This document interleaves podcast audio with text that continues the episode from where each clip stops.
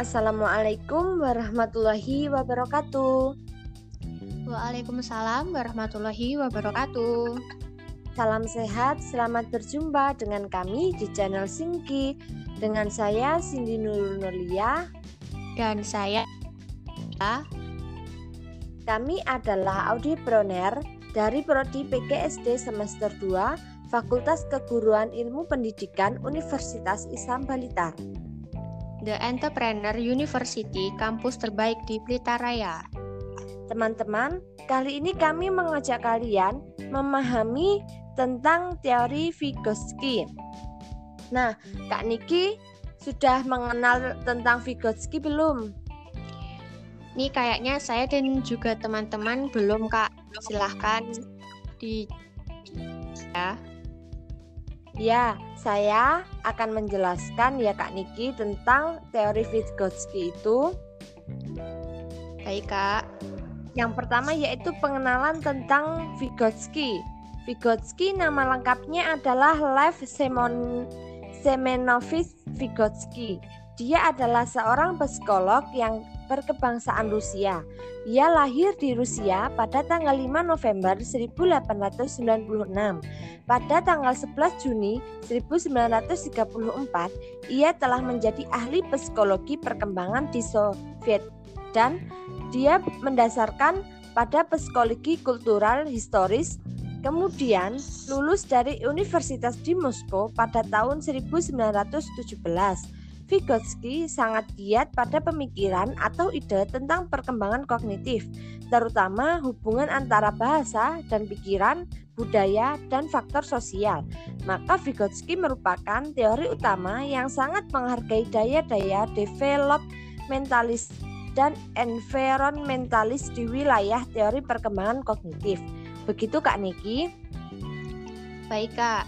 Nah, Kak Cindy dan juga teman-teman, mari kita bahas mengenai teori Vygotsky.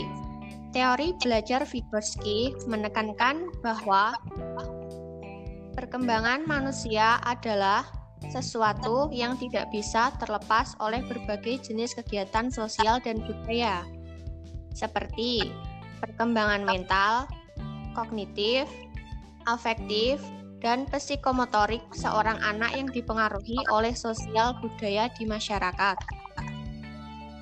Meskipun kecerdasan emosional dalam psikologi setiap anak berbeda-beda, namun pengalaman pembelajaran yang dilakukan bersama orang lain dapat menambah wawasan bagi dunia anak.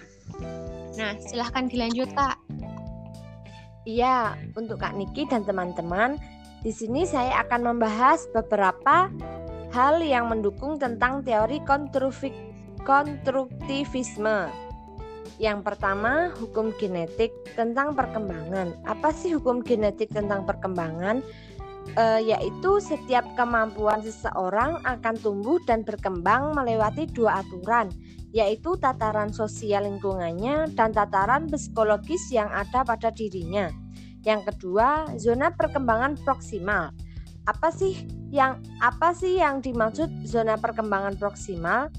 Yaitu perkembangan kemampuan seseorang dapat dibedakan dalam dua tingkat. Yang pertama, tingkat perkembangan aktual yang tampak dari kemampuannya menyelesaikan tugas-tugas atau memecahkan masalah secara mandiri dan yang kedua, tingkat perkembangan potensial yang tampak dari kemampuan seseorang dalam menyelesaikan tugas atau pemecahan masalah di bawah bimbingan orang dewasa.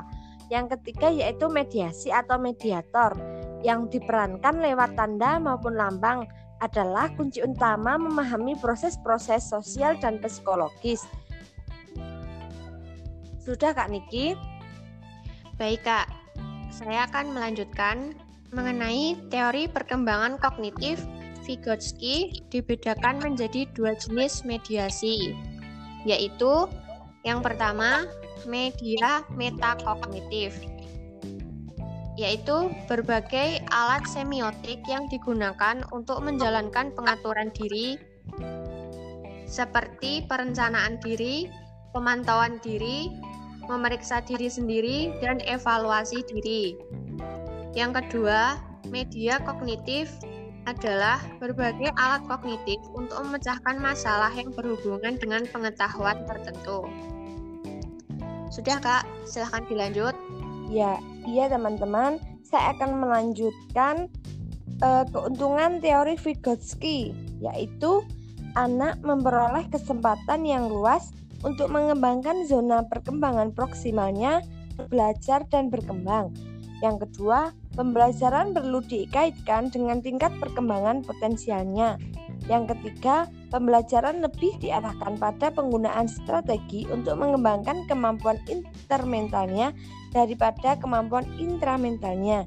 Mungkin Kak Niki menambahi tentang keuntungan teori Vygotsky? Nah, Kak, di sini saya akan menambahi mengenai teori-teori Vygotsky didasarkan pada tiga ide utama. Kak, Kak Cindy dan teman-teman sudah tahu apa belum? Belum, Kak. Coba jelaskan kepada kami. Ya, yang pertama, intelektual akan berkembang pada saat anak menghadapi ide-ide baru dan mengaitkan dengan apa yang telah mereka ketahui. Yang kedua, melakukan interaksi dengan orang lain sehingga memperoleh informasi baru yang menambah wawasan anak. Yang ketiga, peran utama guru yaitu bertindak sebagai pembantu dan mediator pembelajaran siswa.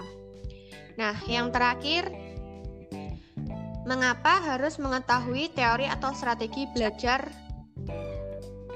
dari teori Vygotsky. Kak Cindy dan teman-teman sudah tahu apa belum? Belum Kak, coba jelaskan lagi kepada kami agak biar kami mengerti tentang teori Vygotsky tersebut. Ya, baik. Nah, alasan yang pertama yaitu menekankan pentingnya pengetahuan awal dalam proses belajar. Yang kedua, membantu memahami pengetahuan dan perbedaan antara berbagai jenis pengetahuan. Dan yang terakhir, menjelaskan proses otak dalam menerima pengetahuan. Sudah, Kak? Terima kasih, Kak Niki. Mungkin Kak Niki, ya, uh, uh, mungkin Kak Niki ada tambahan lagi tentang teori Vygotsky. Sudah, Kak, cukup. Mungkin kalau sudah cukup, uh, kita sambung ke eh, pertemuan selanjutnya ya, Kak Niki. Ya, nah cukup sekian ya perjumpaan dari kita.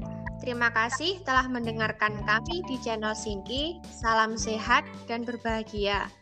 Salam entrepreneur Unisba Blitar, kreatif, integratif, inovatif, dan energik.